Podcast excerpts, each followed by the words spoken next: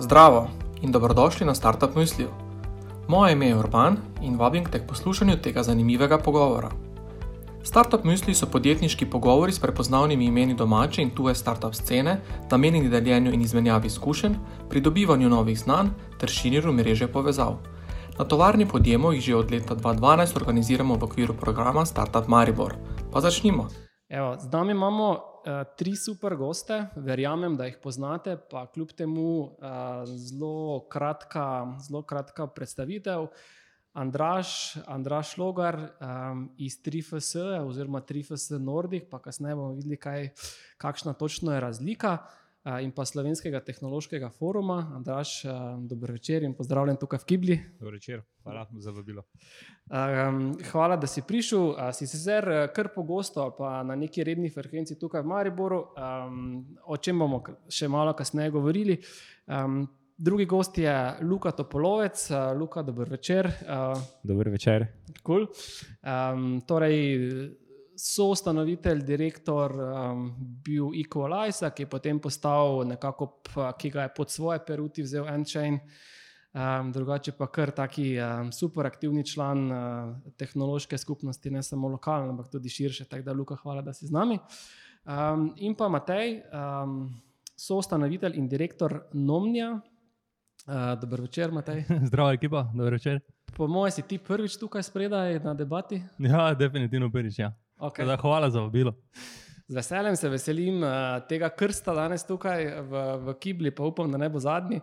Um, da, kot, kot lahko sklepate uh, iz malo um, imen, pa v bistvu podjetij, ki jih zastopajo, gre za tehnološka, za uspešna slovenska tehnološka podjetja, um, ki so uspešna ne samo v slovenskem menilu, ampak predvsem v mednarodnem merilu. In zato smo nekako dali um, tematiko ali pa naslov današnje diskusije Mednarodni preboj slovenskih tehnoloških podjetij.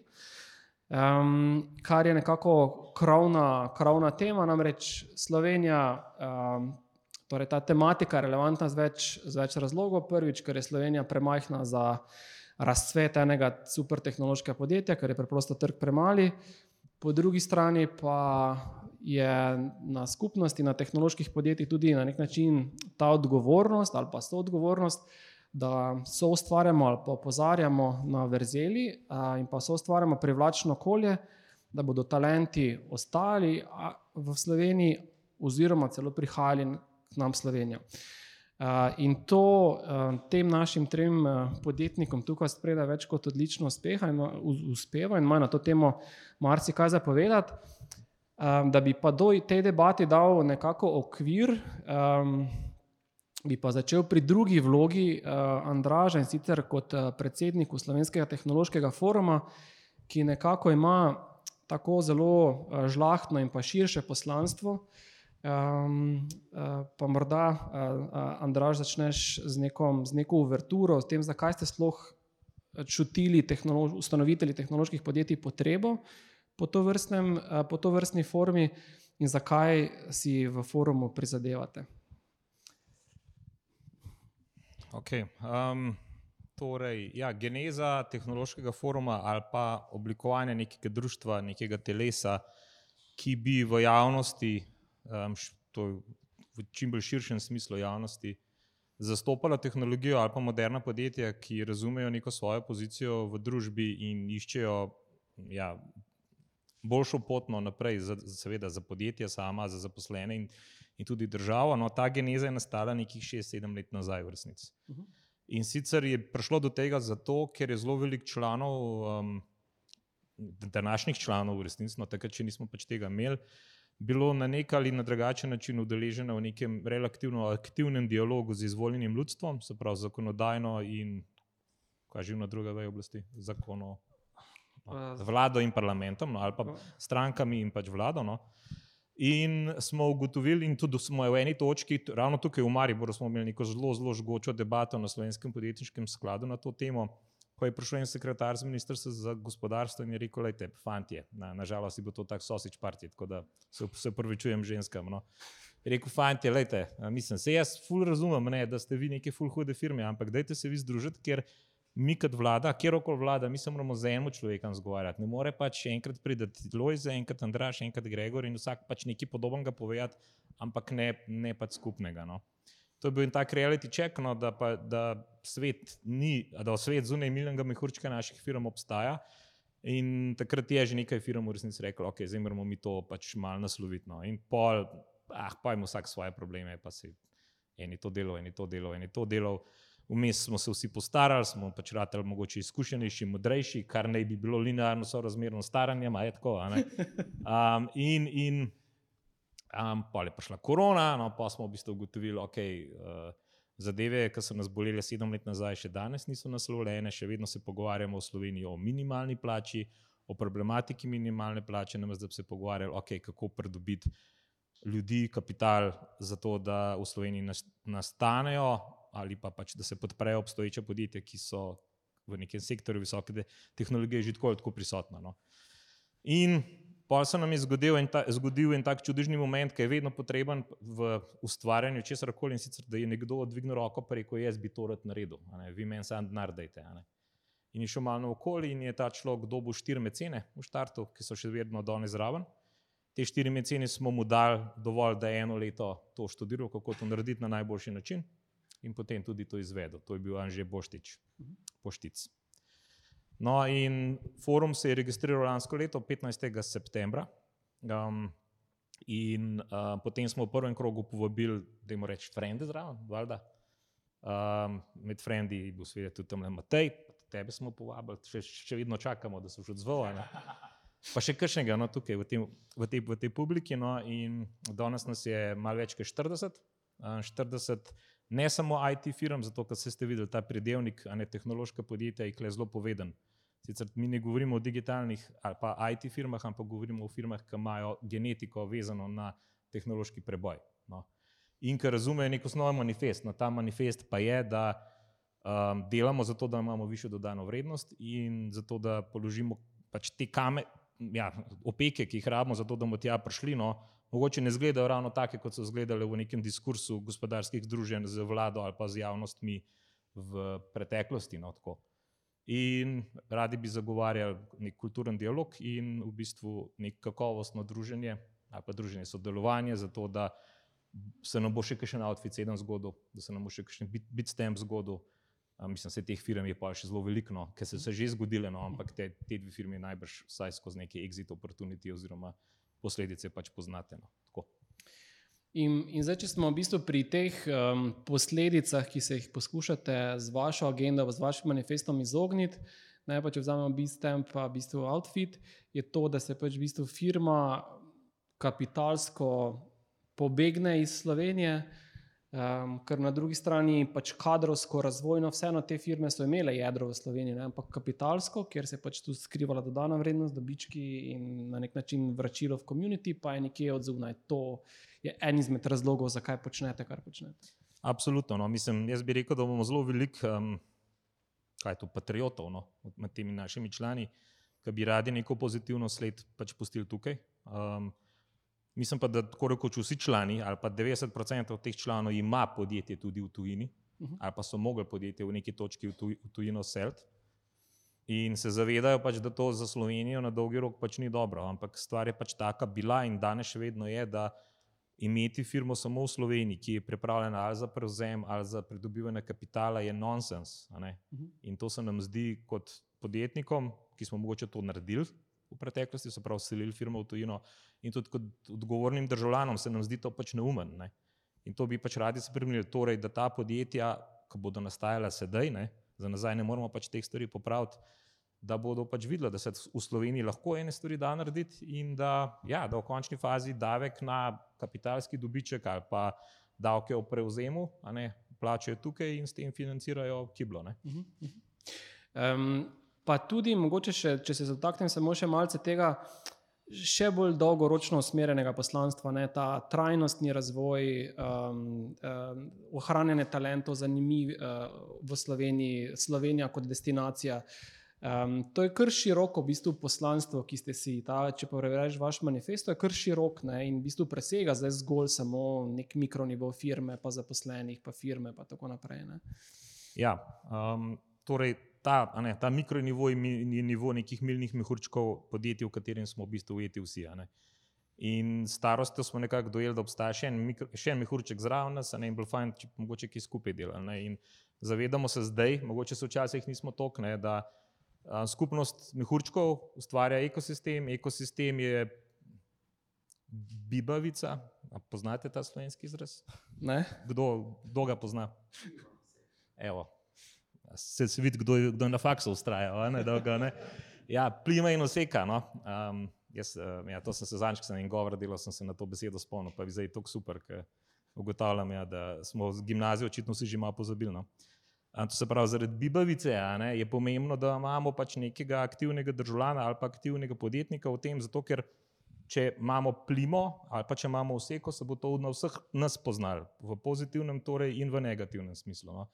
In z tega stališča je se treba pač zavedati, da če tudi mogoče kakšna stvar ni dobra za nek partikularen interes, je pa dobra za pač plimovanje oziroma pač oseko oziroma za bibavico oziroma za to, da gre ekosistem naprej. Uh -huh, uh -huh. No, evo. Tako da ja, manifest zagotovo zaseda neko, neko pozicijo um, greater than us, no, ali pa greater than me. Neko, Uh -huh. neko, ja. Cool. Hvala za ta, um, za ta uvod, pa za umestitev v bistvu tega, kar počnete. In seveda um, že na tem mestu veliko uspeha pri, vaš, pri, pri delu, ne, ker je to v bistvu pomembno za vse nas, ne, kot, kot uh, si že omenil. Pa mogoče um, Luka in Matej, vprašanje, um, koliko se vidva uh, ukvarjata. Uh, ali pa se uspeta, ali želita, lahko ukvarjata s tem malo bolj dolgoročnim um, učinkom, um, ali pa skrbjo, kaj, kakšen ta ekosistem bo čez 5, 10, 15 let. Koliko je to v vajnih mislih, v delovanju, v agendi. Um, um, tak, čisto za mogoče vodni diskurs. Um, ja, itak, ne, meni, meni se zdi to zelo pomembno, sej tudi tako rekoč mi smo štartali podjetje na nek način deset let z vami. Uh, Znotraj tega samega ekosistema smo tudi dobili ta finančna sredstva od podjetniškega sklada, ki nam je tudi pomagalo. Uh, tako da sigurno spodbujamo, karkoli se v tej smeri dogaja in tudi aktivno delamo na tem. Ne.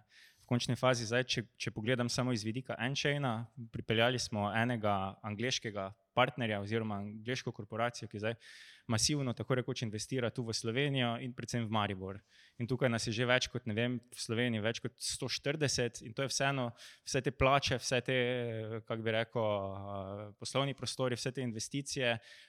V bistvu kapital iz drugih držav prihaja v Slovenijo, zato da se tu nekako ta ekosistem gradi. Uh, in uh, zelo nam je tudi pomembno to, da, se, da, da imamo dostop do, uh, do ljudi, uh, do talenta. Uh, fajn je, da imamo tu v Mariboru tudi, tudi, tudi faks tehnički, ker na vse zadnje, v končni fazi smo v takem, v takem, takem poklicu ali pa v taki branži, kjer rabimo možgane. Ne, in zdaj, fajn je, da so možgani nekje tu blizu, pa da delujejo v osnovi. Ne. Uh, in tako da pač delamo, koliko je v naši moči, da se to spodbuja tudi naprej. Ne. Zdaj, v bistvu za izobraževanje, pa za delo na ljudeh damo precej denarja. Uh -huh, uh -huh. Res je. In hvala tudi za to vašo aktivno vlogo. Pa mogoče še te, ti si kar nekaj časa preživel v Londonu, ne? takrat v bistvu še Equalize, pa potem najprej v Vejro, pa, pa potem tam okrog. Um, Kako pa bi, bi primerjal ta dva ekosistema? Vse te vem, da se to hruške pojavljajo, ki je z vidika m, nekega velikosti, razvitosti, pa vendar um, vidiš, kakšne kakšne prednosti, vseeno zakaj um, graditi ali pa ostati v Sloveniji, prihajati v Slovenijo, je kak morda uh, del Enchaina ali pa zaposleni za Enchaina iz Londona pri, prikorakal in ostal tukaj v Sloveniji, ki ni bil ljubezenski migrant ali pa je tudi bil, kar je pogost razlog, da ljudje pridejo in ostanejo v Sloveniji. Um, ja, mislim, sigurno. Pač mi smo takrat delali zelo specifično rešitev. Pač naš produkt je bil za uh, telefon za, za slepe ljudi. In tudi, če bi pokrili cel slovenski trg, ne bi imeli dovolj, da bi si pokrili v bistvu samo podjetje. Zato smo naravno bili orientirani zelo navzen. In to je bil v bistvu tudi ideja, zakaj gremo v tujino. Uh, zdaj, uh, iz vidika, podobno kot je Andraš prej razlagal, je vedno o interesih na nek način, tudi podjetja. Ne? Vsakemu podjetju je v interesu narediti čim manjše, z čim manjšimi stroški narediti čim več. Na vse zadnje, v končni fazi je to tudi, zakaj se je Enčen odločil narediti tu na nek način delivery center, pa zaposliti programerje. Sigurno zato, ker so cenejši, kot pa če bi 120 programerjev zaposlili v, v, v, v Londonu. In tako da tudi verjamem, da, da, da se v Angliji delajo taki forumi, kjer razmišljajo, kako zadržati take firme, da ne investirajo v druge države, ampak da centralizirajo vse te stvari tu not. Mhm. Uh, tako da z mojega vidika pač moraš biti eh, nekako nekak, uh, preudaren, uh, tudi videti, kakšna je situacija, realno pogledati, da pač, uh, če si v IT-ju, si pač v biznisu, v, pač, kako bi rekel, z, z celotnim svetom, nimaš tako rekoč ene pekarne, ker bi bil res vezan na, uh -huh. na lokacijo in pač prilagodiš svoj poslovni model temu, temu sistemu. Uh. Uh -huh. Pod vprašanje, ki mi še ga nisi odgovoril, pa te prosim za odgovore. Kako zaposlen član ekipe prišel v Slovenijo, ostal tukaj, uh, zaradi tega, ker je pač tu super okolje, v najširšem pomenu besede okolja. Um, ja, jaz bi rekel, mislim, iz mojega vidika, kvaliteta življenja v Sloveniji je ful boljša kot pa v Angliji. Zato, ker si lahko v bistvu za bistveno nižjo ceno privoščiš bistveno boljšo, kako bi rekel, vem, kvaliteto življenja. Ali je to stanovanje, ali je to nepremičnina, ali je to ne vem kaj. Ne? Uh -huh. V končni fazi za pol milijona bi lahko tu dobil eno konkretno hišo, medtem ko bi v Angliji dobil eno osobno stanovanje, nekje tam na robu, na robu mesta. Uh -huh, uh -huh. Cool. Hvala. Uh, Matej, evo še, tvoj, še tvoja perspektiva. Skratka, um, podjetje, uh, čeprav še v tem trenutku malo manjše, ampak kljub temu zelo povezano in uh, uh, orientirano na vzven, vpeto v neke globalne, uh, v globalne mreže, konec konca tudi um, povezava z Vismanom, govori o tem, kako ti dojemaš te nekako debate tukaj in pa pomembnost takih debat. Uh, Da to, kaj skrbi, se s tem, kaj ukvarjaš, vsi jih las nimaš. Ne, ne, v bistvu ne malo reči. se mi delajo, ampak moče ne zaradi tega toliko. Ampak prvo bi odgovoril na prvo vprašanje, ker se mi zdi pomembno, koliko se sam ukvarjam, pa koliko uspem. Bilo vprašanje na to temo. Uh, bom tako odgovoril, ne, zakaj smo naredili Slovenski tehnološki forum, ker vsi želimo nekaj prispevati za boljšo Slovenijo, za boljši jutri. Ampak kot posamezniki, jaz sam nimam ne kompetenc, ne znanja nekaj v tej smeri narediti. Zato vabim vse, da kjer kdo ima željo, da živimo skupaj, boljšo Slovenijo jutri, da si pridruži Gizo, da skupaj z skupnimi mečmi naredimo korak v, v novo smer, v, v smer, ki mislimo, da je prava. Uh. -huh. Moče to odgovor na, na, na prvo vprašanje, zakaj sem bil zelo vesel, ko je Andraš svoj čas investiral in pripeljal ta projekt na začetku do te faze, da smo lahko se potem tudi ostali člani uh, pa prispevali sedaj na začetku naš, naš, svoj, naš delež, da je stvar moče uh mhm. -huh. zaživela. Ravno danes smo na nek način naredili verzijo 2.0 eh, slovenskega tehnološkega foruma. Tada, eh, me res veseli, kako ta projekt poteka. Tako res še enkrat vsem, ki imajo nekaj v sebi, da želijo boljšo Slovenijo, da preverijo slovenski tehnološki forum, pa si dajmo tako pomagati, ker vsak za sebe bomo težko veliko prispevali. Okay, zdaj, ko si že tako super rokavico vrgel, da povej, eh, kaj konkretno uh, v bistvu iščeš ali pa pričakuješ uh, od kar nekaj tu predstavnikov tehnoloških podjetij, kaj lahko, s čim lahko prispevajo uh, in s čim lahko spremenijo ali pa so, so spremenijo prihodnost, v bistvu, kaj, na kak način se lahko aktivirajo aktivirajo v prvi točki, je, da se članijo, da plačajo članarino. Ni cilj, da mi kot člani aktivno delamo na tem, ampak da si najdemo strokovnjake, ki bojo peljali to pot. Mhm. Teda, primarno je to mogoče cilj, da spostavimo ekosistem, ki bo, ki bo zasledoval ideje, ki jih pa imamo kot tehnološka podjetja. Uh mhm. -huh. Imamo vseeno tu neko znanje, neka pamet, vemo, da tehnologija bo del prihodnosti, vedno večji del in bomo morali podjetja, ki smo mi, naše ideje, biti malo večji, imeti malo večji vpliv na, na, mhm. na, tudi na politiko in na stvari, ki se mhm. odvijajo. Um, nam lahko malo več o tej verziji 2.0 poveš, ali je to zaenkrat še skrivnost, ki, ki bo obelodanjena v prihodnjih dneh? Sicer je Andraš, predsednik upravnega odbora in je vodil projekt 2.0.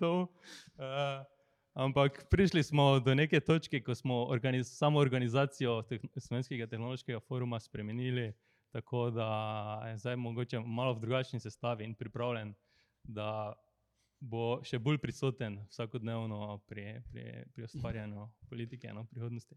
Okay. Um, še eno, eno vprašanje, Andraž, zate. Zdaj, ko prebereš, v bistvu, kdo v tem forumu so, ne, so torej, oziroma ste, ne, ste visokotehnološka podjetja, um, visoka dodana vrednost, pa še en taki tretji, pa globalno usmerjene. To so tako, se mi zdi, ne, so to trije v bistvu, uh, uh, faktori, ki vas definira.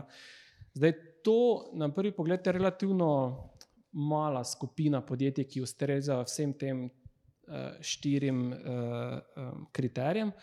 Nam lahko malo mogoče v številkah poveš, kak, o kakšni masi ljudi, ekspertov, podjetij govorimo, da bomo imeli malo boljši uh, občutek, uh, uh, kakšna, kakšni, kakšni momentum je tukaj zadaj.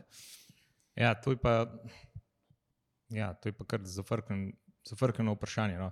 Ko smo mi v bistvu to stvar ustanavljali, ne, pa jaz se moram malo nazaj držati, zato ker ultimativno reklamo je že Matej naredil. No, ampak tako, pa tudi zdaj vem, kdo je naslednji predsednik. Uh, v glavnem, ja, ko smo mi štartali to zadevo, seveda smo se sprašvali o nekem KPI, o nekem benchmarku. Zato, ker vsak bo, vsak v bistvu točno to vpraša, okay, kje smo danes, ka, kako bomo vedeli, da smo naredili pač, um, korak naprej, ko se bomo merili v prihodnosti. No. Tukaj je bil Boštjan Špetič zelo poveden o tem, ki je rekel, da bi se mogli v bistvu nasloniti na izkušnjo iz Izraela. In pa smo delali neke primerjave glede na GDP, pa demografijo, pa tako naprej, no, in prišli do neke številke, da bi se v bistvu mogli tehnološke firme no, v Sloveniji, če bi se dale pač na ta imenoval, smo ga zdaj povedali, bi mogli predstavljati približno 100 tisoč zaposlenih, če bi bili enakovredni Izraelu. No. Uh, mi smo pa pol po neki zelo taki kmečki, simpel, nepki in matematiki prišli, da je najbrž ta številka danes bolj 20 tisoč v Sloveniji, kot mislim 100 tisoč sigurni. No. Uh -huh.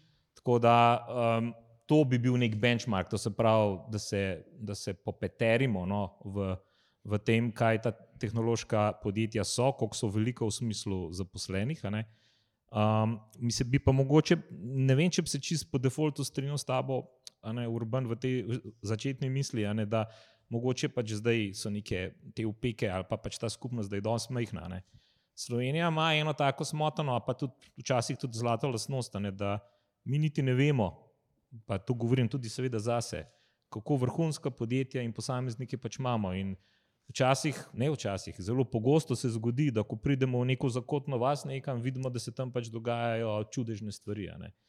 In v, od, že odkar imamo pač tudi ta forum, pa tudi že prej, no, ko sem bil mogoče malo bolj aktiven član ekosistema, no, je takih biserov, mislim, sej dva taka sedita danes tudi tukaj, ne, smo jih najdel, ali pa sem jih našel kar naprej. No, tako. Mm, mm. In tako da z tega stališča meni sploh ne bi skrbel ta del. Meni bi danes v resnici kot državljan, državljana bolj skrbel to, okay, zdaj, če imamo dob, dobra temelj, dobre temelje, kako zdaj pač gradimo naprej. In klele je stvar, ki nas zelo, zelo prizadane, že danes, ne, je pač demografska slika, ki se nam dogaja. No. Tako da, Mhm. ja. Mm, ali, ali je po tvojem mnenju v bistvu kapaci- Slovenija ima kapaciteto, da pride do 100 tisoč, uh, da se početveri ta tehnološki sektor, v smislu, veš, uh, okay, demogra demografska slika zdaj ne kaže ravno, ali pa ta vektori demografije ne kaže ravno v temu prid. Ampak tudi sicer, uh, ali imamo dovolj študentov, dovolj ljudi, da v bistvu ta sektor postane 100 tisoč ali pa 200 tisoč uh, zaposlenih velik. Ne, seveda ne, mislim, nimamo. Ne. Te, ta avtocesta še ni bila narejena, da bi se zdaj, da bi zdaj sam avtočke gor polagal, pa preko zdaj pa pač vozimo naprej. Ne. Mhm. Zato je vsak, mislim, da odgovoren podjetnik, pa ni, to ni, niso samo seveda naši člani, so seveda širše. Mhm. Pa odgovorni deležniki družbe pač govorijo, opozarjajo in tudi delajo na tem, da bi bilo pač to boljše. narediti je pa treba ful stvari. Demografska slika je nekaj, o katerem se pogovarjamo, po mojem, odkar, iz- od, ne vem, odkar sem jaz živel, to je že ful. Mhm, mhm. Tako. ali pa od konca Jugoslavije, se mi zdi, da se v bistvu pogovarjamo, da s tem imamo v resnici problem. Ne. Um, recimo, moja generacija je štela 40 tisoč ljudi, danes pa mislim, da je bilo upis, je bilo letos upis v prvi, ra- v prvi razred, da bo 16 500. a ne. Tako da, ne, to, nas, to nas že zdaj prete, pre, pretepava, tako rekoč vsak dan. Mm. In moramo ene stvari spremeniti, ali je uvoz delovne sile, ali je pač um, delajmo bolj pametno, pa malo manj, pač, ja, work smarter, not harder. To, um, pol je pa še cel kup drugih stvari. Najbrž stvar, ki nam je zelo blizu vsem tukaj, no, po mojem dvorani, je recimo izobraževalni sistem. Um, pol stvar, ki nam je mogoče malo bolj oddaljena, je, je davčni sistem. Um, se pravi, pod, podjetniki se zagotovo tudi tega zavedamo ne, in na to opozarjamo, pa pa še cel kup drugih stvari. a ne. Tako, brand države. Se pravi, ne če imaš ti nek proizvod, digitalen, pa gor napišeš Made in Switzerland ali pa Made in Slovenija, kaj misliš, da je bolj, da je bolj vreden? Ne? Ja, zdaj vse Luka Dončić je en taki kul cool brand. Prav, made, made, made by Luka Dončić. Made by Luka Dončić. um, morda sem pozabil omeniti, pa mogoče, uh, sem prepričan, da to skoraj samo umevno. No, da če imate kakšne vprašanja, komentarje, uh, dajte se opogumiti, pa, pa kar poprašati, uh, zakričati, pokomentirati. Uh, kdo na tem na tem mestu kaj za dodati, vprašati koga. Se glasno in javno ne strinjate s čimer, kar so naši gosti povedali. ne, okay. um, bo še prišel ta trenutek. Um, bom, se malo, uh, bom se malo referiral na, na, tudi na ta brand. Ne, um, ko, se je začela, ne, ko se je začela korona in se je svet še bolj sploščil, kot um, je, je bil že prej, ne, um, in je bil pretok talentov še bolj, uh, še bolj dinamičen. Uh, je bilo, se mi zdi, v tehnološki skupnosti kar malo um, strahu, da bodo več ali manj talenti pobegnili, pa bodo kar naenkrat remoci delali za Google, Facebook uh, in pa Amazon. Um, pa se pol tega v bistvu ni zgodilo. Um, kaj gledate zdaj na to dinamiko uh, talentov, globalnih, globalnih tokov talentov? Smo mi še vseeno nekako dovolj dober magnet, oziroma je bistveno, da pač podjetje ima uh, zanimive produkte, um, dober ugled, um, enakovredne pogoje dela. Uh, ali tu so kakšni drugi faktori, s katerimi smo lahko bolj privlačni um, za tuje talente? Uh, Luka, pa potem Matej, pa Andraš. Um, pač iz mojega vidika no, se mi zdi tako, da pač, uh, kaj je ljudem pomembno v končni fazi, recimo programerjem, valjda plača, ki pač mora biti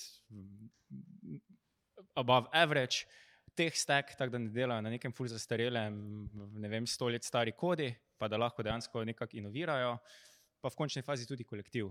Ne? In zdaj, če gradiš okrog tega, si že, si že precej stvari naredil.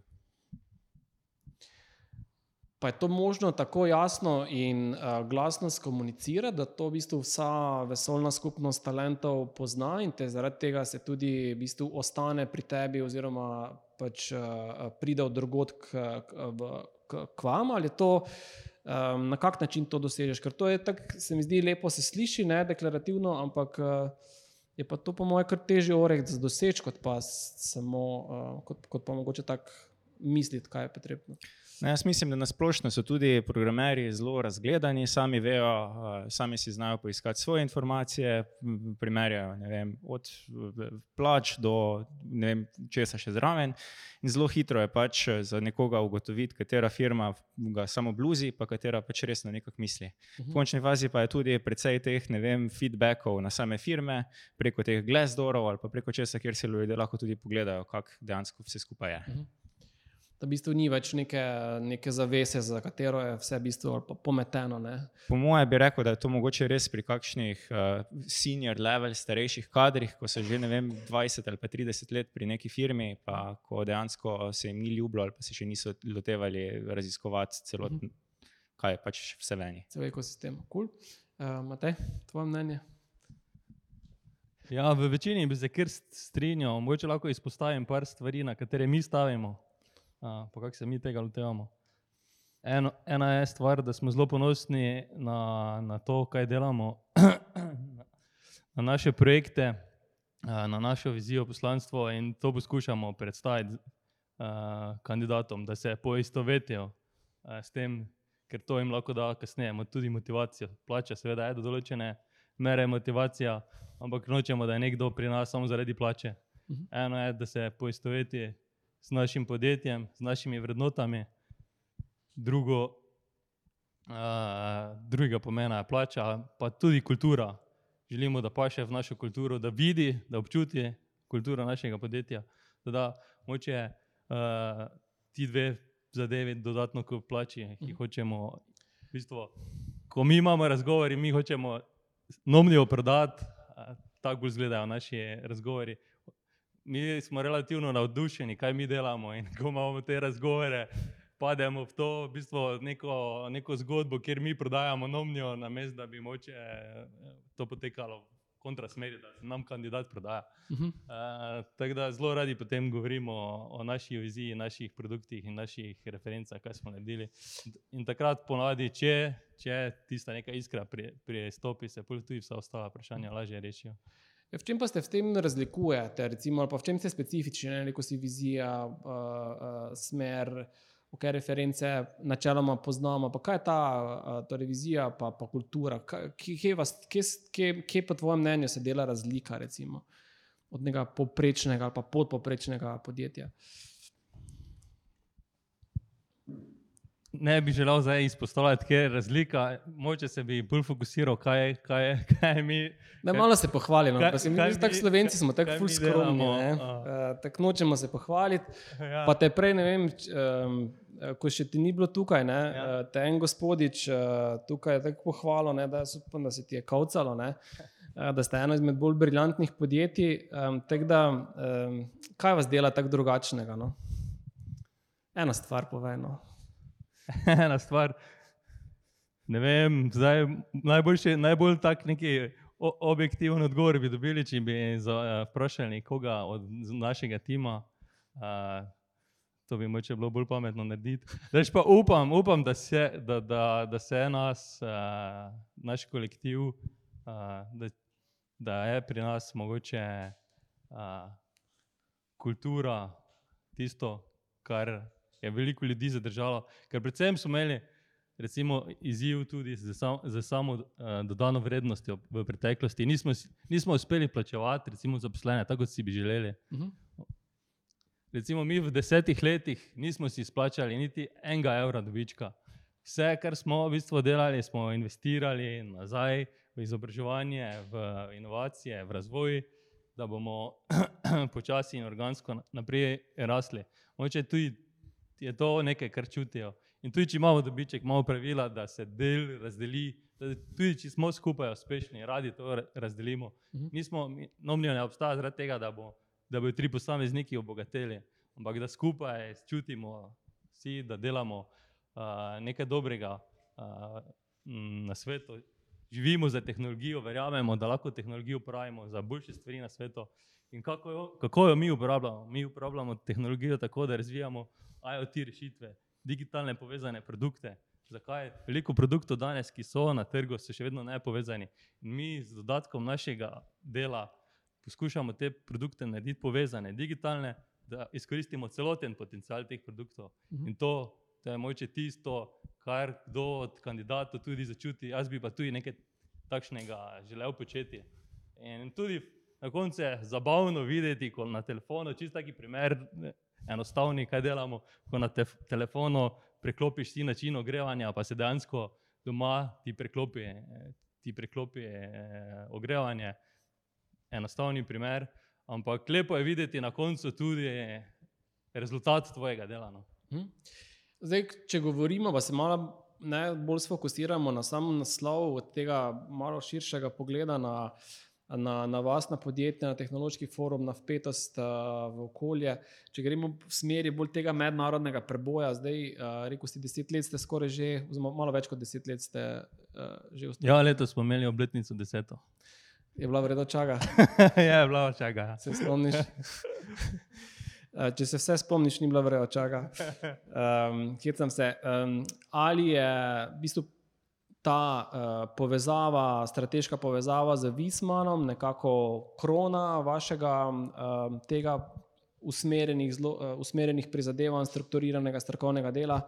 Uh, in kje vidiš uh, mogoče nek, nek potencial še v prihodnosti? Malo nam ta mejnik, pa veličino tega mejnika za vaše podjetje obrazloži. Mogoče je bolj to kot neki 2.0 ali pa 4.1 ali pa kaj takega. Ker imamo danes ravno tako temo mednarodni preboj, bi moče delil, verjetno se vsi zanimajo, kako smo mi prišli od prvega leta do desetega leta, pa do tega, da je pisma nas tudi prepoznal. Um, mogo, mogoče lahko nekaj na hitro delim, nekaj trenutkov, kaj, vse se zme, kaj se je vse zmes zgodilo, pa kaj je nam pomagalo, da smo dejansko preživeli deset let, pa da smo kjer smo zdaj po desetih letih. Uh, pa moče kakšna ideja tudi za koga ostalega, uh, v prvih petih letih še moče.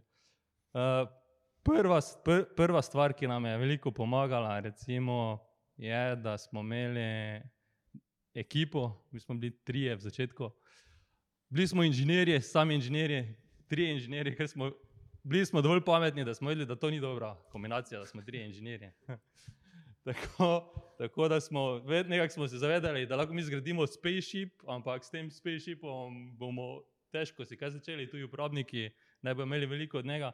Tako da samo eno stvar smo vedeli, da rabimo user experience eksperta, ki bo zdaj ta spaceship naredil, nam pomagal narediti na tak način, da bo uporaben pa bo reševal nek problem. Recimo, to je en tak ključni trenutek, bil čist na začetku, še prej smo podjetje naredili, da, so, da smo vsaj prišli do tega, nismo sami inženirji. In tudi inženirji, ki smo v ekipi, smo si relativno druga, eh, različni, ker potrebno je, da se te ideje pa, pa, pa pri, pristopi k delu, da s, imamo neke kontraideje, pa kontraargumente, da neki sanity check se naredi moče na vsakem koraku. Da na srečo, saj nismo bili tri inženirji, ki čisto isto smer gledamo, pa si brezpogojno zaupamo, pa imamo čisto iste ideje. Da to je moče en taki, ena taka stvar. Ba. Pa četrta, kar je nam pomagala, ker smo imeli relativno kompleksen produkt. Mi prijavljamo, ti si zamišljate, imaš napravo, imaš napravo razvid, napravo mora komunicirati s cloudom, imaš tudi cloud backend razvid. Imaš podatke v cloudu, kaj zdaj, imaš razviti aplikacije, portale in tako naprej, integracije s tretjimi sistemi. Torej, zamisliti si scope takšnih projektov je zelo obsežni. Uh, teda smo zelo imeli srečo, to je bilo pred desetimi leti, da smo no, na, na našo to idejo, da bi moral IoT postati del vsak dan, del vseh naprav, uh, pičali v bistvu kot proof of concept, tudi podjetje Celtron, Oni so iskali takrat tudi način, kako omogočiti njihovim kupcem, da bodo enostavno upravljali z, z sistemom ogrevanja.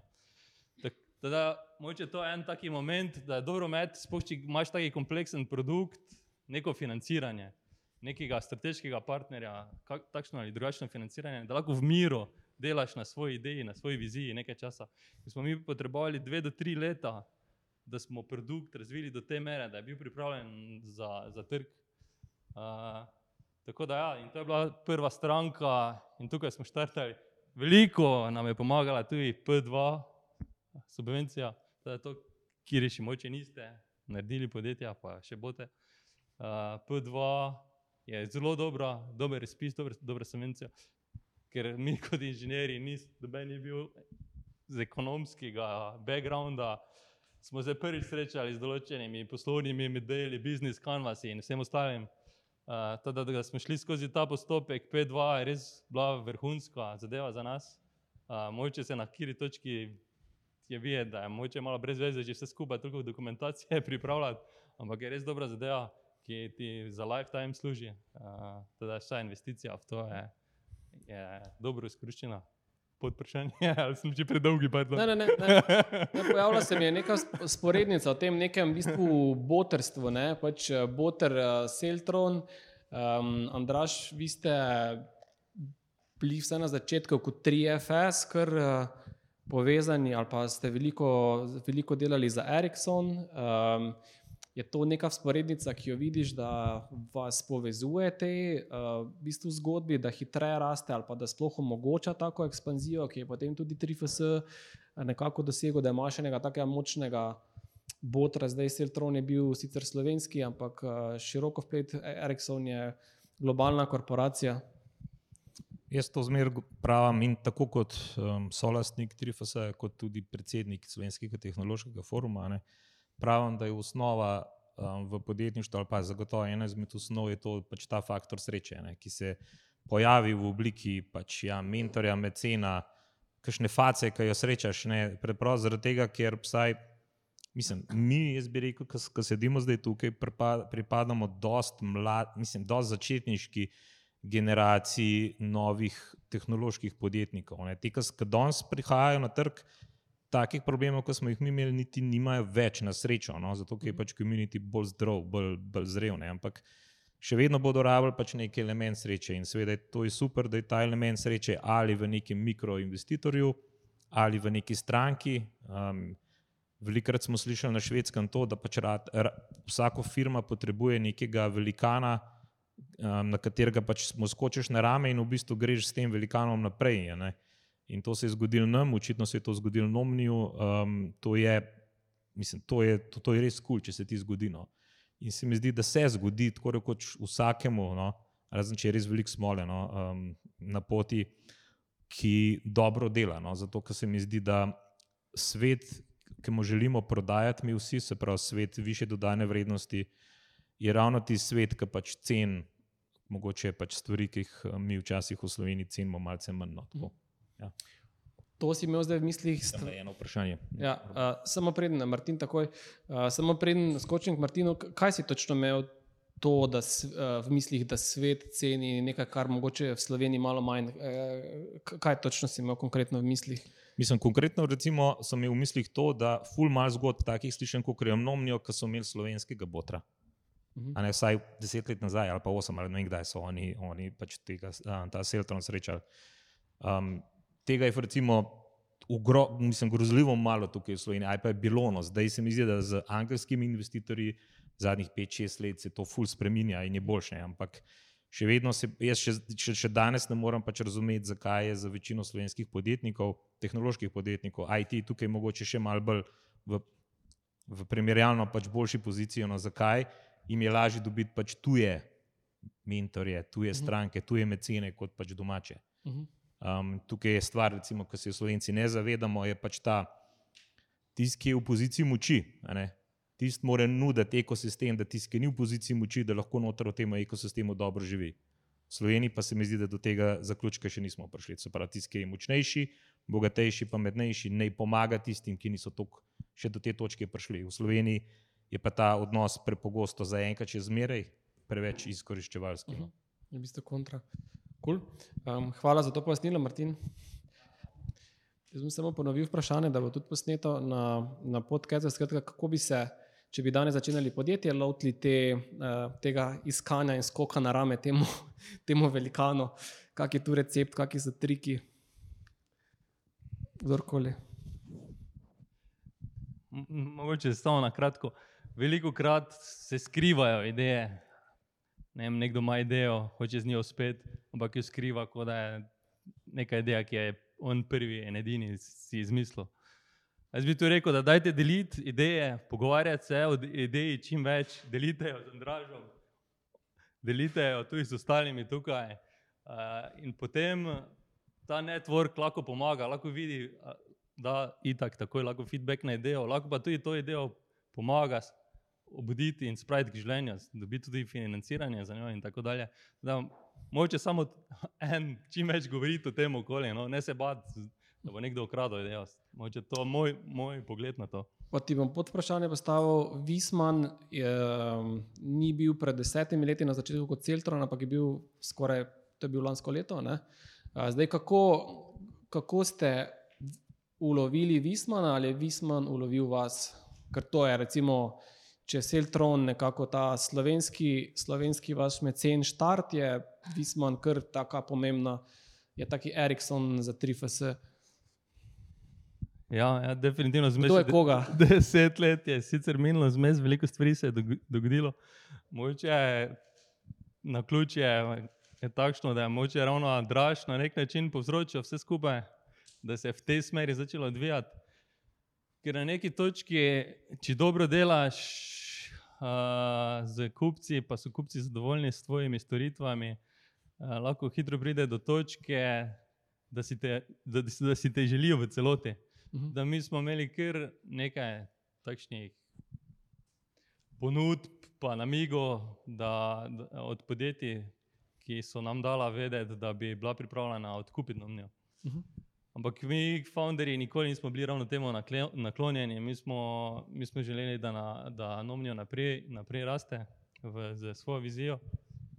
In smo vseeno rekli, da je pa preveriti na trgu, moče pa najdemo kakšnega strateškega partnerja, da bomo mi res naredili še en preskok naprej eh, v tem, kaj delamo. Uh, tako da na tisti točki smo potem uh, najeli MNA advisora, on je pripravil investment memorandum, osnovne informacije o podjetju, potencial podjetja, preteklo poslovanje in tako naprej. Uh, to je pičal različnim podjetjem po Sloveniji in Evropi. Na podlagi tega smo imeli okoli 30 interesentov uh, za nakup, To si lahko predstavljate, kako je izgledalo. Z vsakim skoraj smo imeli sestanke, oziroma on je imel z vsemi 30, koliko je izluščil, na enih 10 do 15, z temi smo imeli vsaj en sestanek, določenimi dva sestanka, določeni so prišli on-site. Uh, ampak kaj je bilo, kar hitro vidno iz tega, je, da večina teh interesentov ali pa potencijalnih kupcev podjetja je želelo ali pa videlo v nomnju predvsem x število inženirjev. X število zelo dobrih inženirjev. Uh, in to nam pri naši viziji ni kaj ekstra pomagalo, teda te smo kaj hitro izločili. Uh, ena ponudba pa je res izstopala, ponudba Fisman, Fismana. Uh, Fisman je razdeljen v osnovi na tri dela, divizije Climate Solutions, Refrigeration and Investment. In pod investment Fisman išče oziroma kupuje družinska podjetja ali pa podjetja, ki so v lasti, vlasti founderja. Samo takšna podjetja jih zanimajo in podjetja, ki dobro pašejo v portfelj, ki si pomagajo. Oni ne, ne investirajo v podjetje zato, da bi imeli roj na njem pri exitu, ampak zato, da si podjetja znot, znotraj portfolja med sabo lahko maksimalno pomagajo. In mi smo bili pripeljani v FISMAN grupo zaradi, uh, s tem, da našo tehnologijo, da, na, da jim z našo tehnologijo IoT ostalim podjetjem v portfelju pomagamo njihove produkte, narediti digitalne produkte, jih opremiti za IoT tehnologijo, da bodo pripravljeni uh, za, naslednjo, uh -huh. za mhm. naslednje obdobje, za naslednjih pet let, deset let. Cool. Čestitke še enkrat. Uh, Luka, uh, isto vprašanje za te. Kratka, ta, uh, ta ključni menik, um, ta mednarodni preboj, um, je en-chain našel vas, ste vi našli en-chain. Uh, Malo povejte, uh, kaj ti smatraš za neke ključne menike za ta mednarodni preboj. Mislim, iz mojega vidika je pogosto pač seveda faktor sreče, pa faktor vztrajnosti.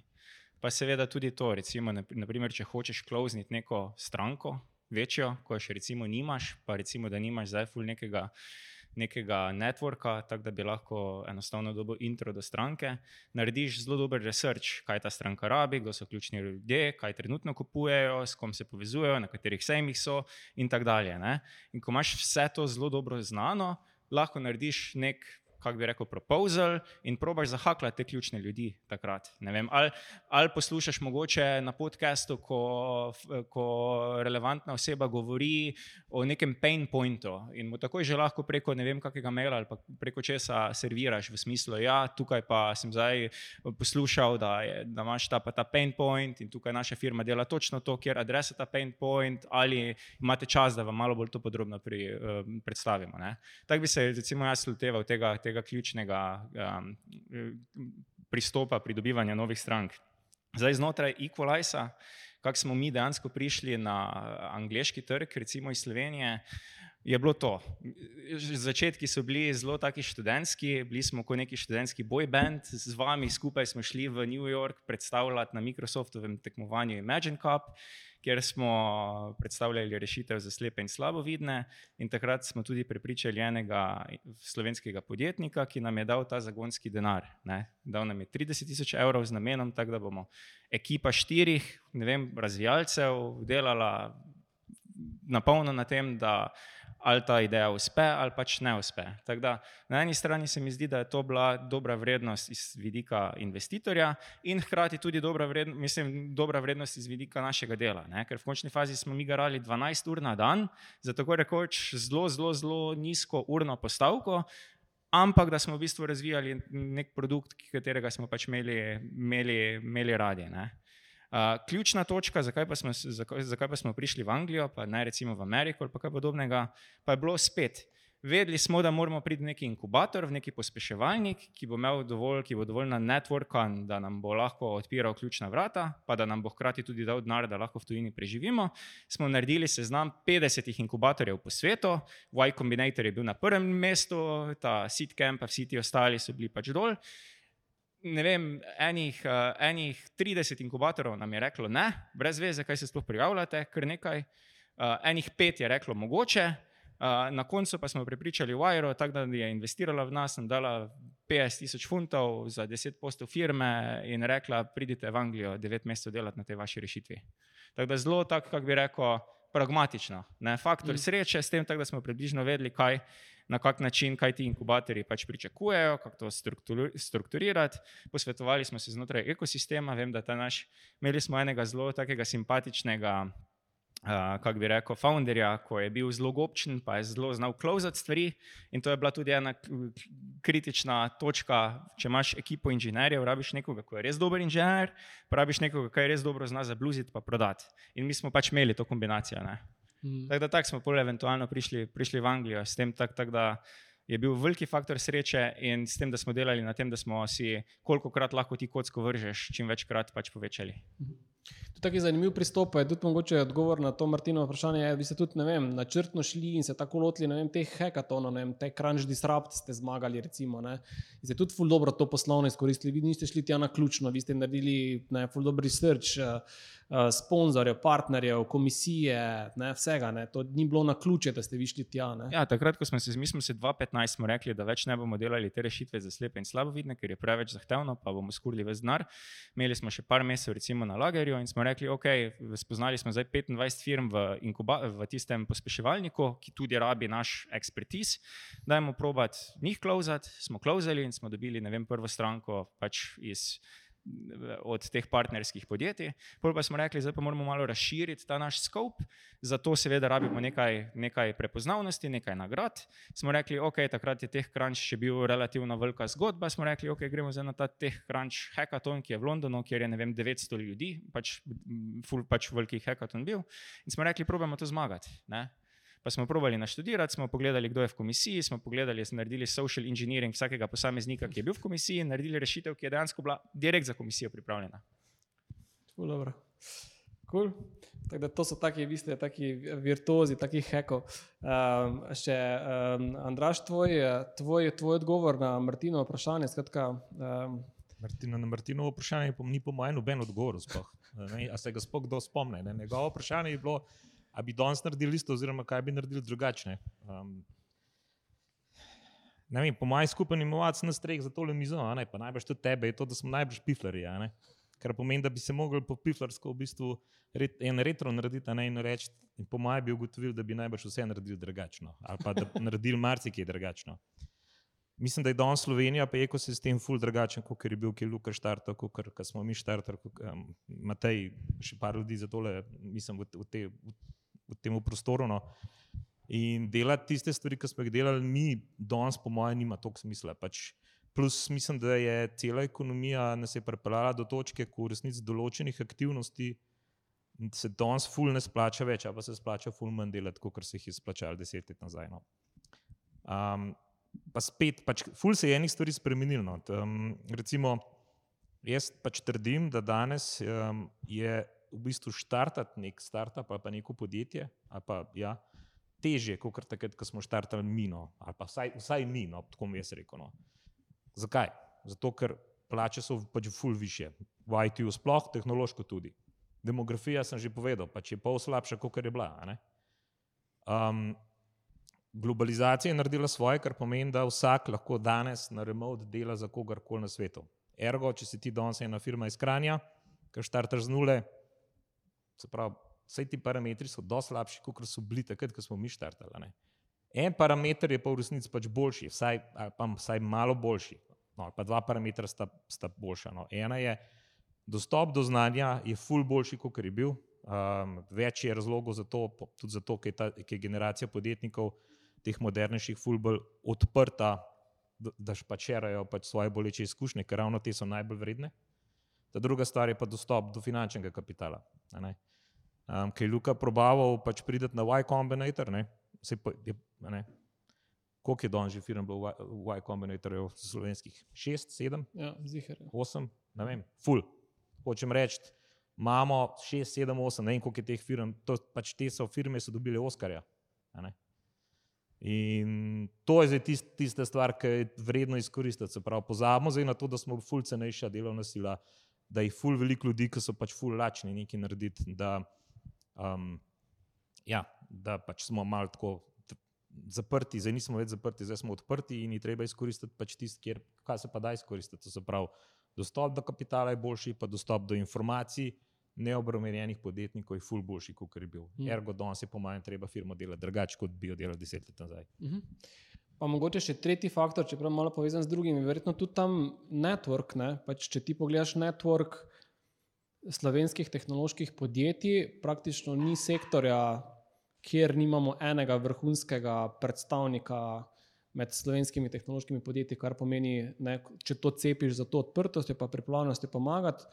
To, kar, če sem prav razumel, je bil tudi tvoje botrstvo v, pri, pri, pri Nomniju, pa Vismanu, je verjetno veliko lažje potem preko nekega networka ali pa nekega priporočila priti do ne vem, uh, uh, uh, Ericssona in podobnih uh, podjetij. Ne? Jaz sem da razčistim, jaz nisem igral nobene botrske vloge pri pr Mateju, um, tako da ja, to on mal, mal pretirava. No. Um, sej sem vesel, hvala, ja, ne, ampak ja. Um, ne, um, to se pravi, ja, danes, če a ne, ta tehnološki, jaz, jaz, jaz sem malo občutljiv na uporabo tega predevnika. a ne. Po- Ko hitro začnemo mi v IT govoriti, se pravi, ni samo IT, tudi so drugi tehnološki playeri. Specifično v našem krožku ne, imamo recimo kemijskega igralca, se ugra- ukvarja s kemijo um, pa s strojništvom, pa z letalstvom, in tako naprej. No, ampak je pa res, no, da je IT najbrž najbolj napreden. Na, okay, to je mogoče napačno reči. Zagotovo se je srečal z nekaterimi bolj globaliziranimi problemi, ki se mogoče ostale industrije niso, ker je pač dostop do trga težji, kot je v IT-u. In, in iz tega ne, je. Čakaj, sorry, kaj je bilo že vprašanje? Ta v bistvu um, priporočilni sistem. Ja, ja, seveda, ja, ja. ne, Um, in seveda se pač najde v IT-ju res, za vsak segment se najde nekoga. In danes, če recimo, če delaš igro, ma, imaš za poklicati 40 ljudi v Sloveniji, ki ti bodo, če jih prosiš, da ti brez filtra povejo, kako to zgleda, ti jo povedali. Če rabaš v fintechu, čeprav imamo pač take banke, kot jih imamo, in najbrž noben od vas pač ni zadovoljen z izkušnjo slovenske banke, ki ima svoj mobilni telefon, če tudi vem, da nekateri v tej sobi ste kdaj delali za, za to vrstne rešitve. Ampak hočem reči, tudi v fintechu v Sloveniji boste najdel 20 ljudi, ki vam bodo povedali, kako svet zgleda. Tja je treba iti, ali pa jaz menim vsaj. Ali pa bodo imeli močen opinion podkrepljen z nekim track recordom, da je rekel, ok, tja je treba iti. a ne. Mm. Za IoT je playerjev recimo v Sloveniji shitloads, tako na embedded nivoju, kot na cloudu, kot na connected pač, um, komunikacijskih uh, protokolih in tako naprej. V glavnem, a ne, znanje full. Med teh, ne vem, to je stvar, ki je meni dosti blizu, oziroma do katere sem, sem zelo, zelo strasten. Ne vem, če veste, koliko imamo mi med teh playerjev. Najbolj tak znan je Cozy Lab, imamo jih pa še cel kup v Sloveniji. Ne, se pravi, v Sloveniji se dela je rešitve za medicino pač po celem svetu. Um, tako da, ja, in to so tudi podjetniki, ki pripadajo neki razsvetljeni, ne bom rekel generaciji, ker to bi bila neka časovna kategorija najbrž, ampak razsvetljenemu branču podjetnikov, ki so pripravljeni pomagati. No. Pa je tudi ta forum eno tako mesto, ne- nek community za, za, za to vrstne diskurze, pomoči, uh, referle in tako naprej. Um, Mislim, teh mest je po mojem Sloveniji dosti. No. Ja. Klej treba biti. Um, Treba je pohvaliti, recimo, dogajanje, ki ga imate tukaj v Mariboru. pravi, zaradi podima, zaradi stvari, ki jih ti delaš, zaradi tega, ki jih delajo tvoji kolegi, ki jih dela Slovenski podjetniški sklad, ki je Bajda lociran tukaj. Mogoče tudi zdaj, ko imate ministrstvo za digitalizacijo, se bo vse spremenilo. ne. V glavnem, zelo veliko je že bilo služb, agencij, posameznikov, ki so delali, ki ste delali in še vedno nekaj delajo, in večina od tega je, po mojem, dobrega. a ne. Um, to, kar predstavljamo mi, je mogoče še en doprinos k temu, no? ampak vektori so bili že zelo, zelo dolgo nastavljeni v, pač v pravo smer. No. Cool. Um, hvala. Še kako vprašanje, kako mnenje na tem mestu? Hm? Um, okay, uh, zdaj pa še ta, ta, ta, tega 3FS-ja, se mogoče smo se še najmanj uh, dotaknili in te um, razvejanosti in mednarodne um, prisotnosti, skratka, nekako z Eriksonom. Za Švedsko ste zelo tesno povezani, pa uh, neposredno, ne, pa ste botri kar nekaj tem vašim uh, um, inkubiranim podjetjem, ki so potem zrasla od, od uh, Tošla, Tunije, Groove Racerja, kaj še bil Lake, uh, uh, uh, MedTech, ta vaš, uh, skratka, ogromno, ogromen ekosistem ste zgradili. Um, um, malo, še, malo še damo tej uh, komponenti tega inkubiranja uh, novih zgodb uh, okrog vašega podjetja. Povej. To je nekako vaše poslanstvo bilo od vsega začetka, to, uh, ste se tega sistematično lotili. Uh, je bil to nek um, mehanizem za, za v bistvu rast, kak uh, ti kot v bistvu poglavar tega plemena vidiš te zgodbe? Te zgodbe so, po mojem, tako dober odgovor tistemu vprašanju, kaj bi danes delali drugače. Um, se pravi, tist, v tistem zeitgeistu, ki smo bili, ne, se je to zdelo res, res dobro, da smo to počeli. In za nazaj nimam nekih, uh, pa nimamo nekih irmorsov. V bistvu smo zelo, zelo veseli, da, da, da smo to delali, da se je kakšna zgodba tudi zelo dobro razpletla, zapletla, odpletla, kako koli. Um, in ja, se pravi, to je bilo by design, reševali smo nekaj problemov um, z tem ne samo enega. Um, bi pa danes to delali drugače, oziroma ne bi delali. No, zato se je Slovenija zelo, zelo, zelo spremenila. Pač, mhm. mislim, kot sem prej povedal, ene stvari so se otežile, nekatere stvari so se sprostile in ravno tukaj, kjer so se stvari otežile, mi danes kot Trifas ne bi imeli kaj dosti za ponuditi. Na, stvar, na stvarih, ki so se pa olajšale ali pa so se izboljšale, pa tudi ne, ne bi imeli kaj dosti ponuditi. Danes, Ne, prej smo slišali, da je Luka 50 ur, kle, 30 ur, kle. To, pač, to, ni, to, to danes ni ben več denar. Mislim, nažalost, pač kle manjka vsaj ena nula. Ne, ne, in pač ja, tega pa mi v Trifosoju nismo imeli. Pravi, da bi danes pač investicije, ki smo jih delali po 50 ur, pa tako naprej, ne, ali pa tudi 100 ur, pa tudi če kaj več, so danes bi bile pač plunko morja. In z tega stališča, seveda, danes bi te stvari delali drugače. Uh mhm. -huh. Ampak ja, to je bilo by design. Um, veseli smo, da smo prišli, kamor smo prišli. Uh, se pa v bistvu zadnje dve leti ukvarjamo s tem, kaj je, kaj je pač nov, nek, nek, nek nov cilj za nas. No, mhm.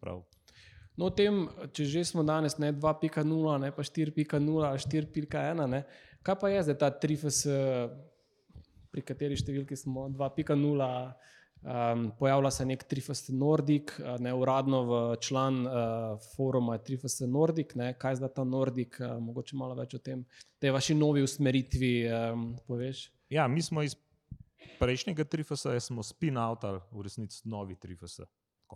Se pravi, servisno dejavnost, to, to pomeni konzultanci v IT ali pa engineering services, smo spin-outali v novo podjetje, ki pa je zaradi prepoznavnosti v nekem okolju, tako švedskem kot v slovenskem obdržalo brand. Pravi, stari 3FS je v resnici holding postal, novi 3FS se imenuje 3FS Nordic. Zakaj je Nordic? Zaradi tega, ker smo sedež podjetja predstavili na Švedsko. Mhm. Tako da um, in tudi vsa ja, legal framework in tako naprej gor na Švedskem.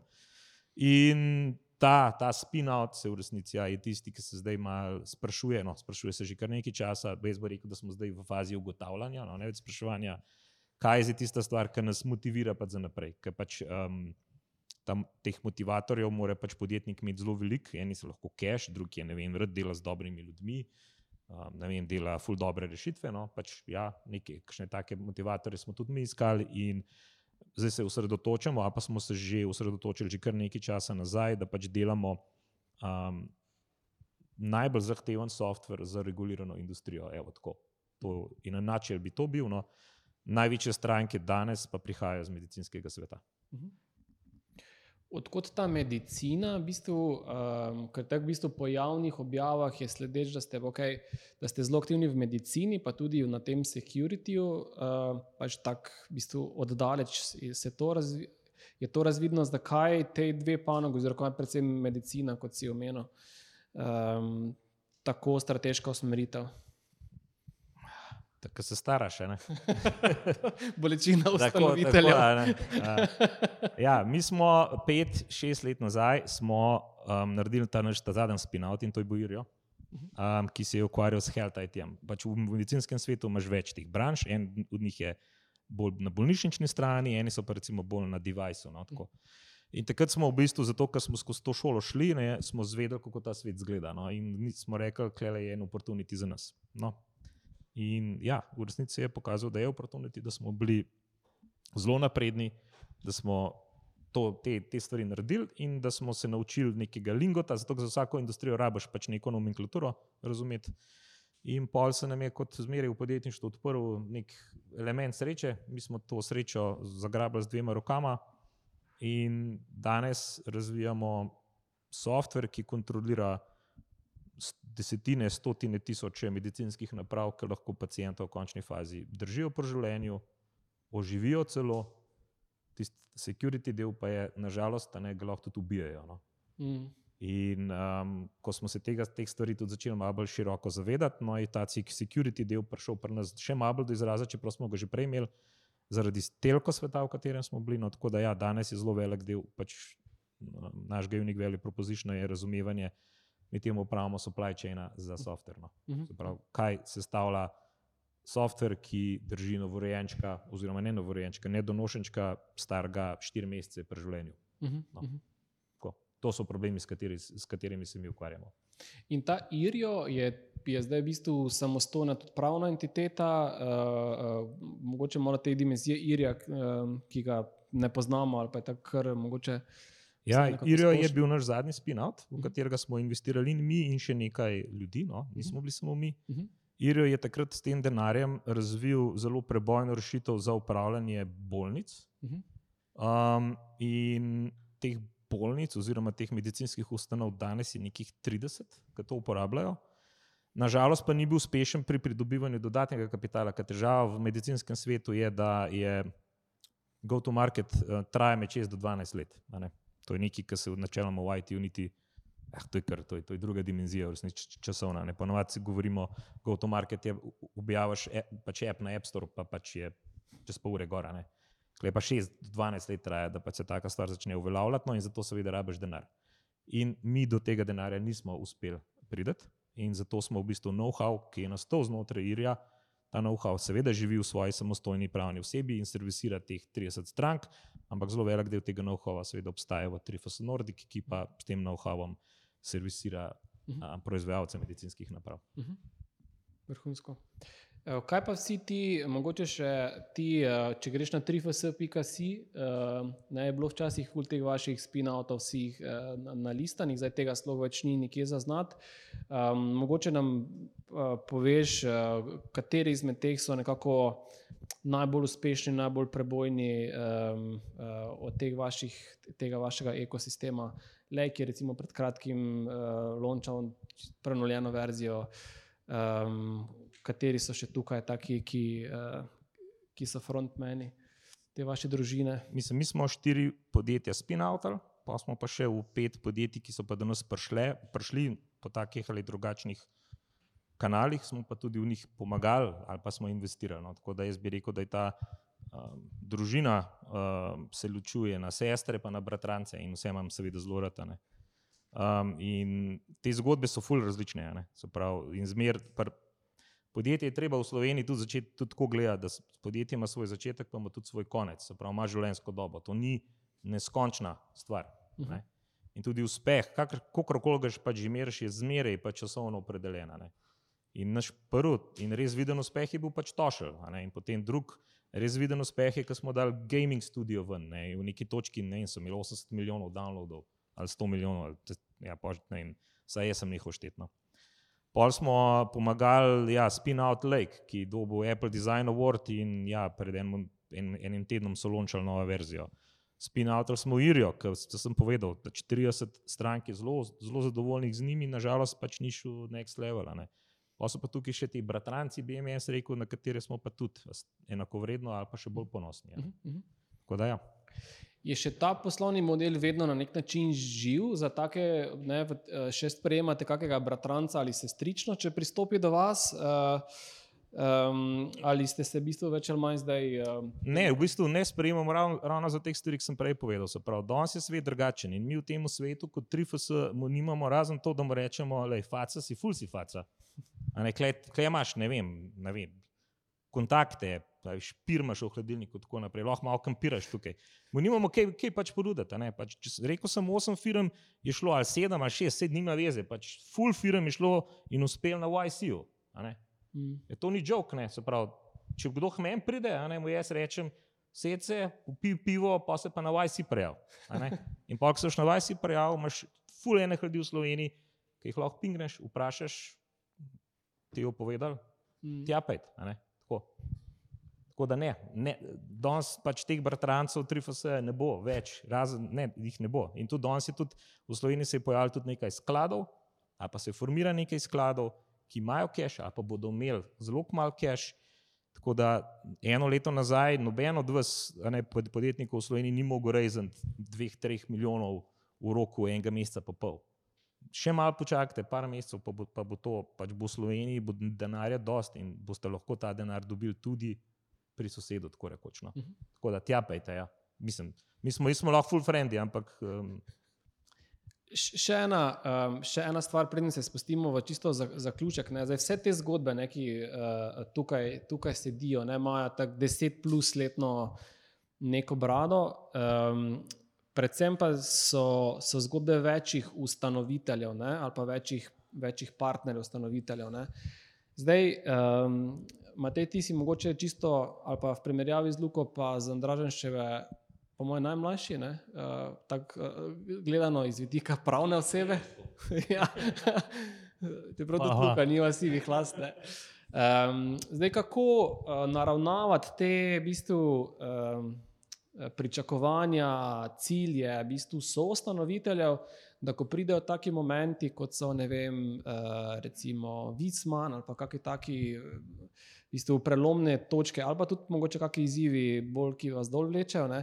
Da, ostate, da, da ostanete poravnani in da ostanete trdno jedro, ki gre naprej. Uh, Kako ste imeli s temi uh, izzivi, izkušnje? ja, dobro vprašanje.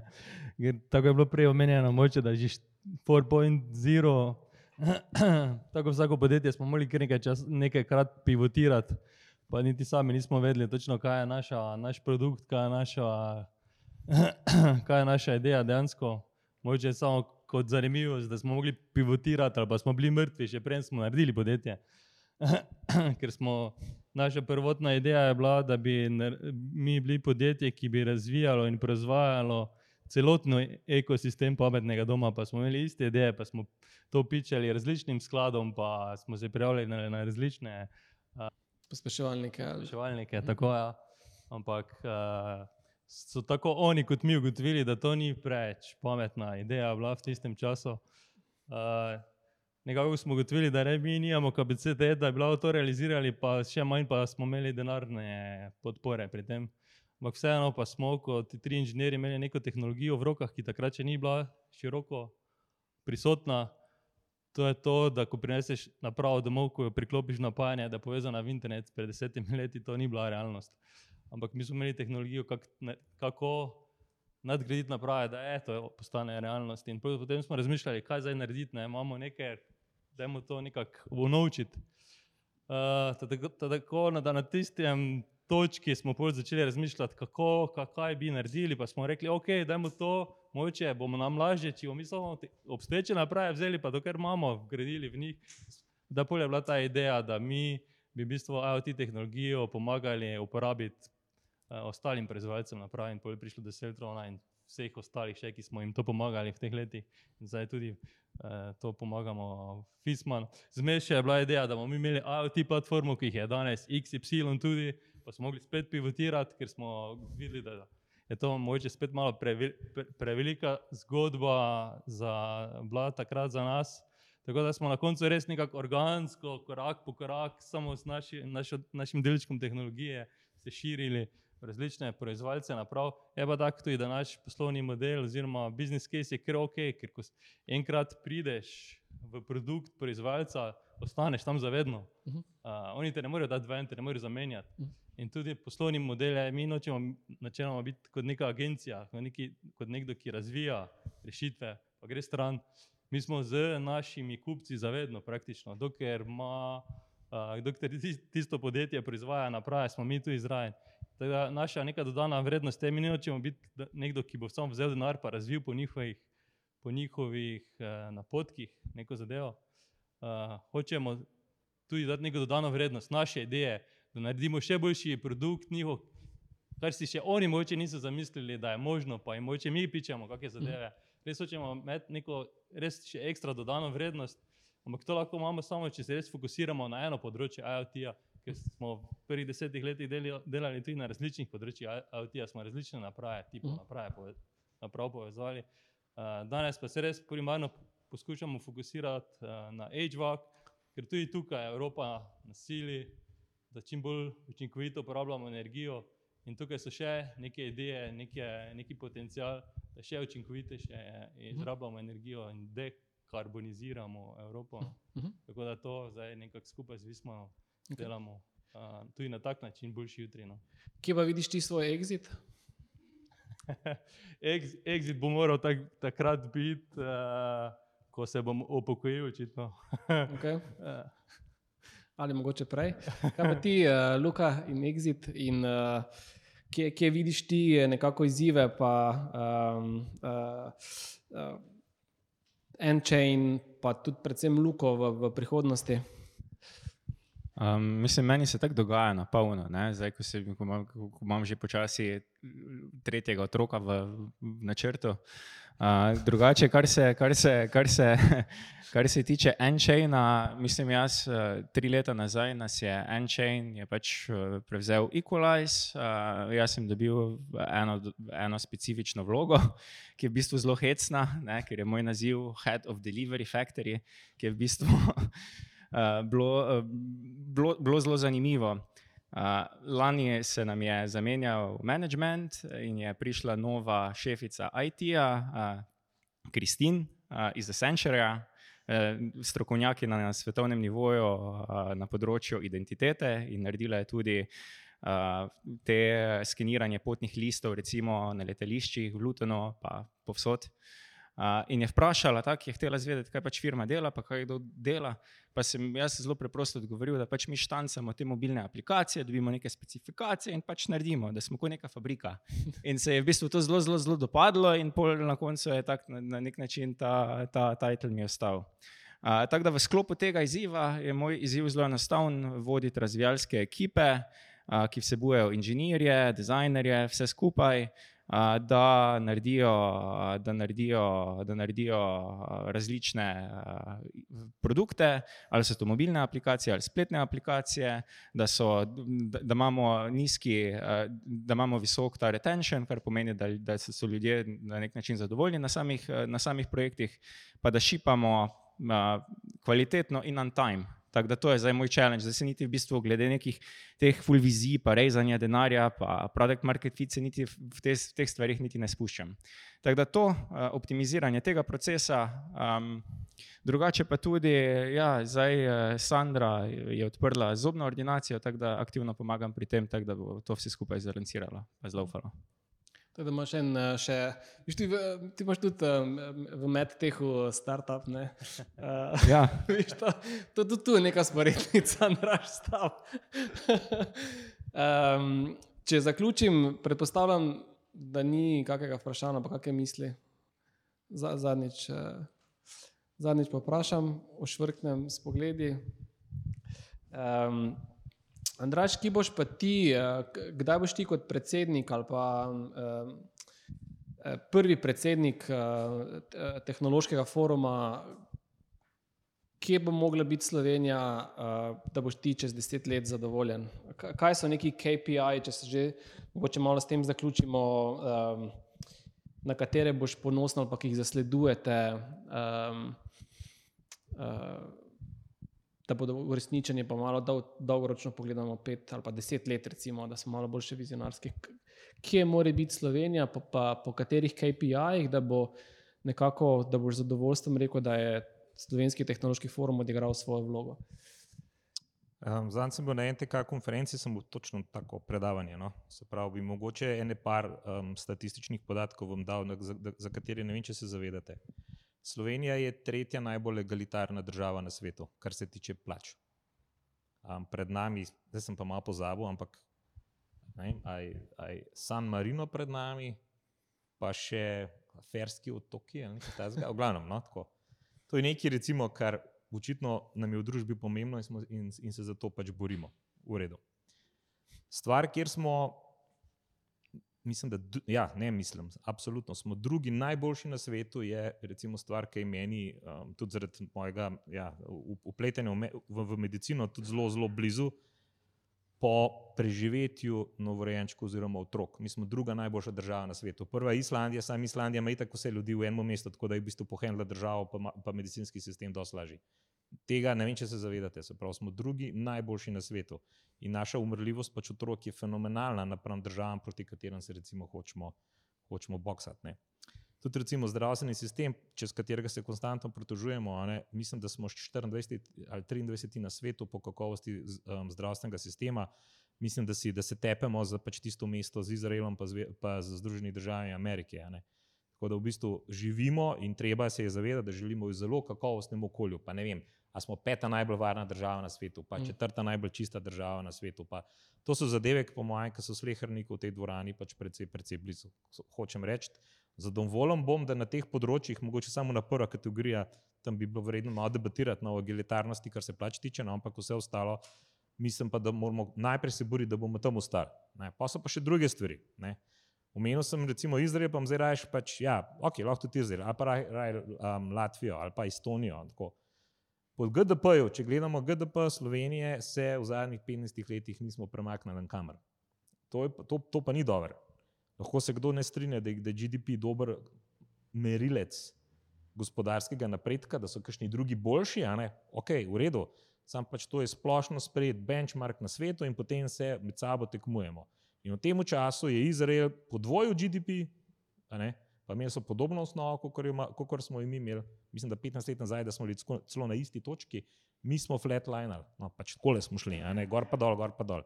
Estonija je bila vem, trikrat slabša od nas v tisti točki, danes nas je pač tako rekoč ujela. No, to se meni zdi nespremljivo no, in to je treba pač popraviti. Ne.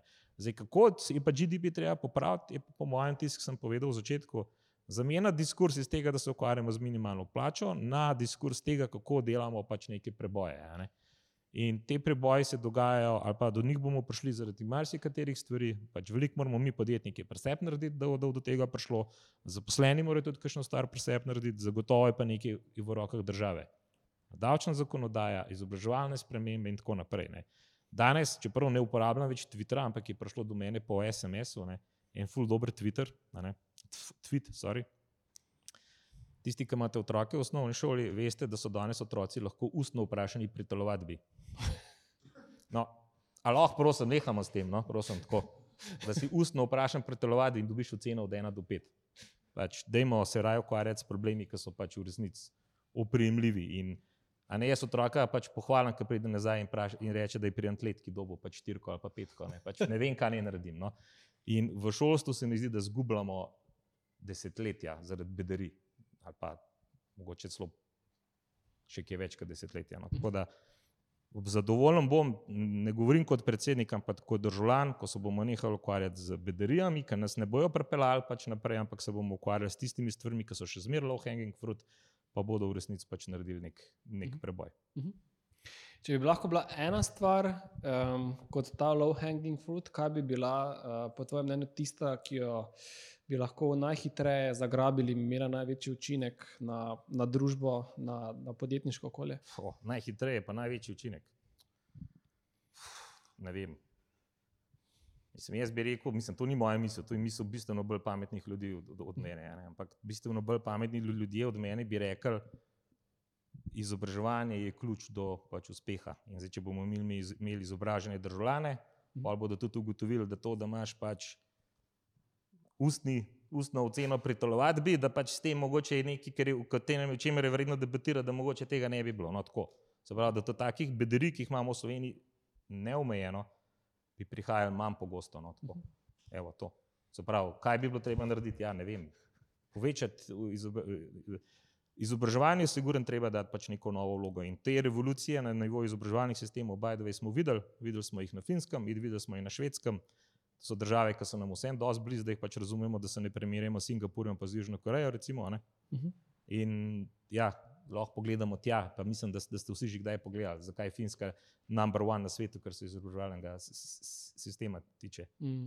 Pač, it's really, really basic. No? Uh -huh.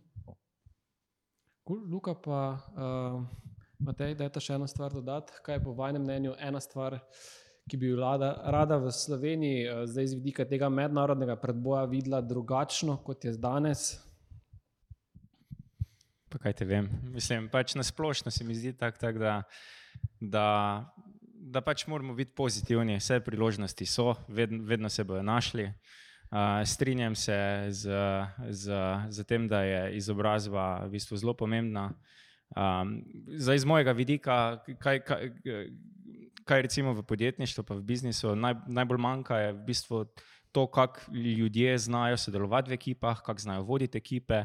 Tako da bi zelo dal take pr praktične primere v, v, v, v, v šolstvo, kjer bi, kjer bi imeli skupine, ki bi skupina mogla nekaj narediti in vodja skupine bi mogel neko odločitev sprejeti in pol bi se moglo to vsak semester zamenjati ali pa vsak mesec zamenjati, tako da bi se lahko vsak, lahko vsak malo preizkusil v tem, kako je voditi ekipo ljudi, kako je sprejemati neke odločitve, pa kako je nekaj na koncu deliverati. Uh -huh. Že če bi imel neko taki, taki, taki praktični workshop skozi skoz izobraževanje, bi po moje kar upskillal ljudi pri teh najbolj core uh, naj, naj, najbolj basic uh, znanjih, ki pač, ki pač so sodelovanje, uh, tuji jeziki, pa pač nasplošno to tako, tak, da, da, da, da so ljudje nekako iznajdljivi in vztrajni.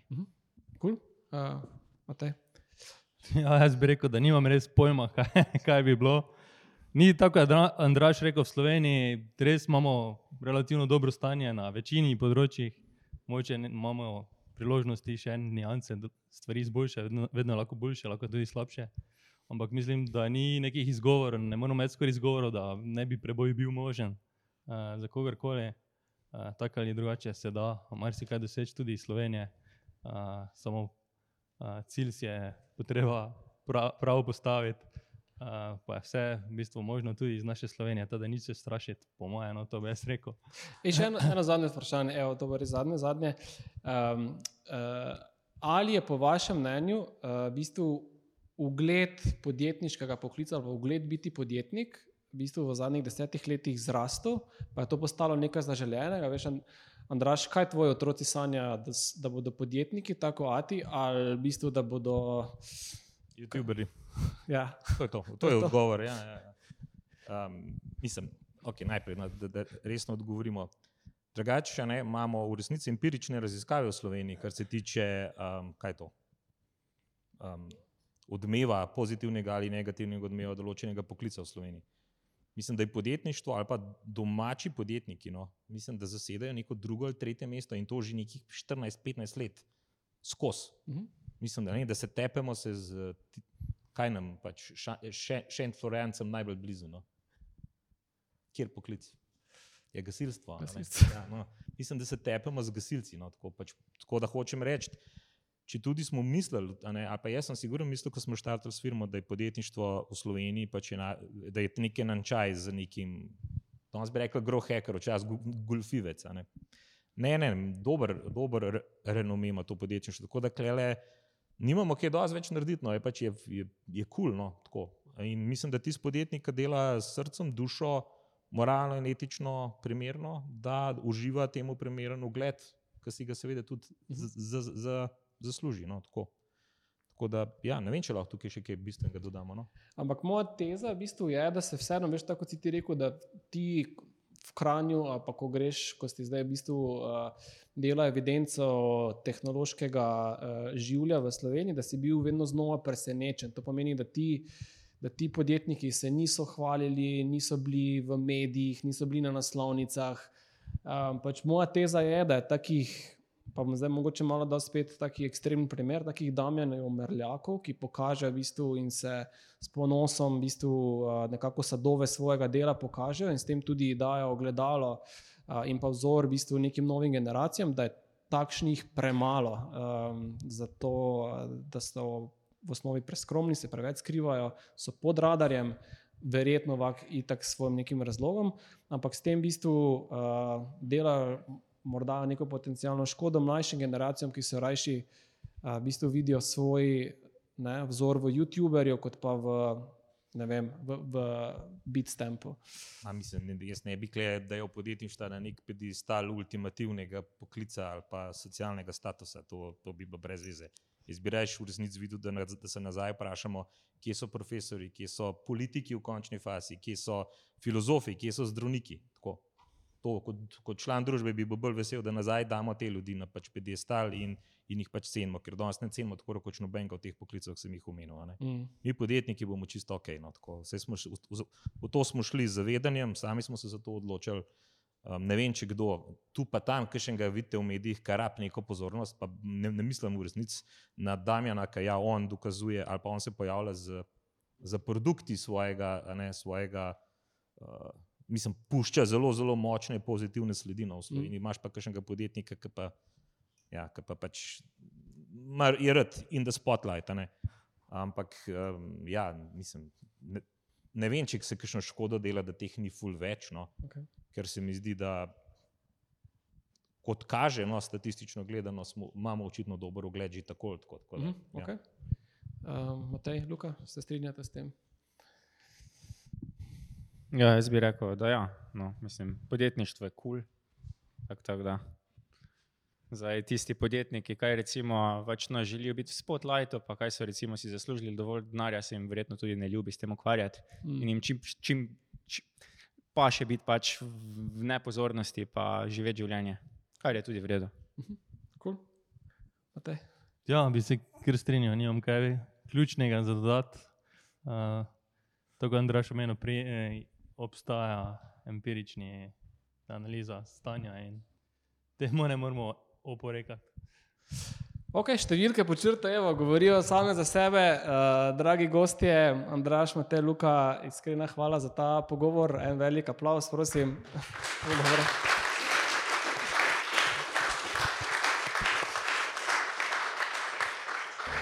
Ti je bilo všeč? Da ne boš zamudil novih epizod, klikni subscribe. Veseli pa bomo tudi tvoje ocene, komentarje in delitve, da za nas vedo še druge radovedne glave.